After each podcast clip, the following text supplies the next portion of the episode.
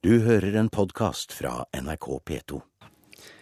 I den indiske byen eh, Forbisganj, helt i nord på grensen til Nepal, der finner vi Kjærlighetsgata.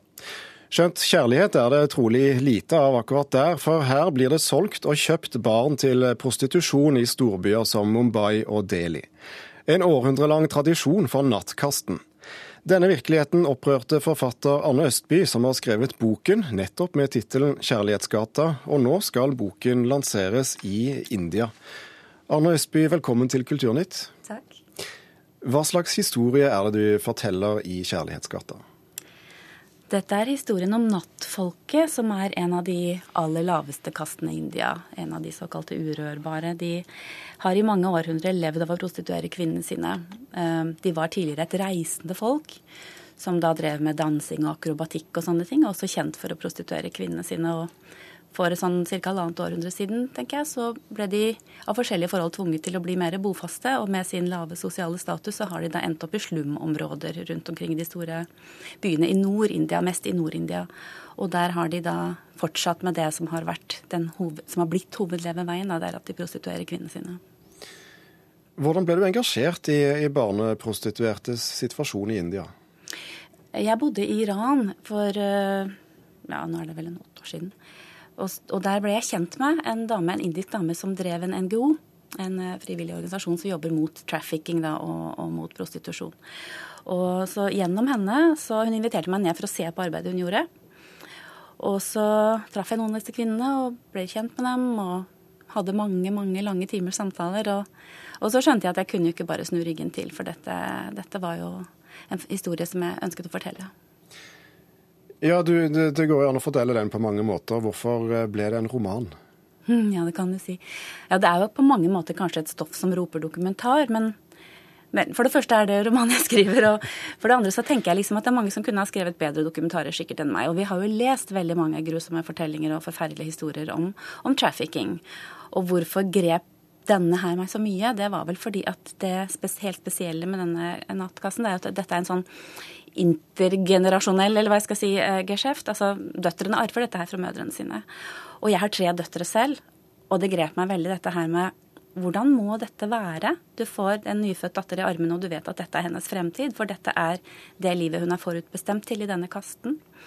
Eh, så jeg tenkte at hvis jeg skriver en roman, så kan jeg spisse vinklingen på akkurat det aspektet. For det var det som, som, som gikk rett i hjertet på meg. Og det kunne jeg ikke gjort hvis jeg skulle ha skrevet en dokumentar, for da må du ta med hele bildet, ikke sant. Og da kan du ikke, kan du ikke skrelle vekk uviktige personer og hendelser, men det kan du da hvis du skriver en roman. Så det var vel det som lå bak. Hvordan har det vært å gjøre forarbeidene til denne boken? Mye arbeid. Mange turer opp og ned til Forbisganj og til Calcutta. Uh, mye samarbeid med denne organisasjonen som heter Apne Ap, som, uh, hun som jeg traff, driver. da. Og veldig veldig mye research, for jeg snakker jo ikke hindi. Dette er jo en helt, helt fjern verden. Jeg stiller meg jo selv veldig sårbar som forfatter på en måte når jeg, når jeg skriver om et land som jeg selv ikke hører hjemme i, og en, og en, virkelighet som jeg knapt nok kjenner. Så jeg har gjort mye arbeid, og det har vært en tung og delvis veldig sår og vond reise, men også en reise jeg har lært veldig, veldig mye av. Nå skal altså boken gis ut i India. Er du spent på reaksjonene? Ja, det er jeg jo. For det ligger jo selvfølgelig en god del eh, kritikk. Det gjør jo det. Det ligger kritikk av all korrupsjon som omgir dette her. All lovgivning som ikke er helt på plass. All, og selv om den fins, så blir den ikke fulgt opp. Det, det ligger jo kritikk, en kritikk av selve kastesystemet, selvfølgelig, som ligger i bunnen her. For dette er jo ikke bare en kjønnsproblematikk, dette er jo også en sosial problematikk, altså en, en kasteproblematikk i India, og, og ikke minst en fattigdomsproblematikk. Ja, For kastesystemet er vel som sådan forbudt i India? Ja, det skal i hvert fall ikke være det som, gir, som avgjør om et menneske får muligheter eller ikke. Men man ser jo i realiteten at, at man er jo veldig kasteorientert og kastebevisst. Så det er jo det som gjør at de er så innestengt i sin situasjon, disse kvinnene. da. Har du fått noen reaksjoner så langt? Du mener fra fra India? Fra India, ja. Nei, jeg har jo fått meg en forlegger, da, så det er noen som tror på den. jeg har også fått en som heter um, Urvashi Butalia, som er liksom en veldig, veldig kjent sånn feministikon i India, da, til å skrive en sånn, en sånn hva heter det, blurb, kaller vi det, en sånn utenpå, som, som har lest boken og som på en måte mener at dette er en viktig problematikk. da. Så i hvert fall de som er, i hvert fall de som har en slags hva skal jeg si, en følelse for den sosiale samvittigheten som, som bør vekkes når du hører om dette fenomenet. De har jo i hvert fall da stilt seg i, i bresjen for den og ønsker å være med og promotere den. Hva håper du boken kan bidra med?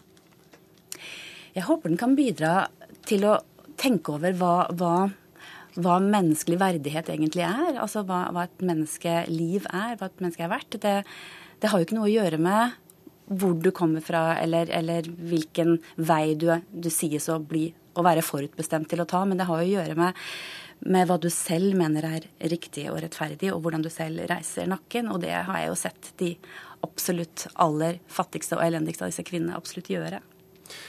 Fortsetter engasjementet ditt eh, utover boken? Ja, jeg håper jo veldig at jeg skal kunne eh, reise ned når den kommer ut, og, og prate om den. Så skal jeg nå reise rundt i Australia på forskjellige lanseringer og i hvert fall én, jeg håper to festivaler der og prate om den. Og så har jeg lansert den i Fiji, der hvor jeg har bodd de siste fire årene. så jeg har fått prate mye om, om dette, dette problemet, og det er jeg veldig glad for. Så nå får verden høre om, eh, om barneprostitusjon i India. De som leser boka, iallfall. Ja. Anne Østby, tusen takk for at du kom eh, til Kulturnytt. Du har hørt en podkast fra NRK P2.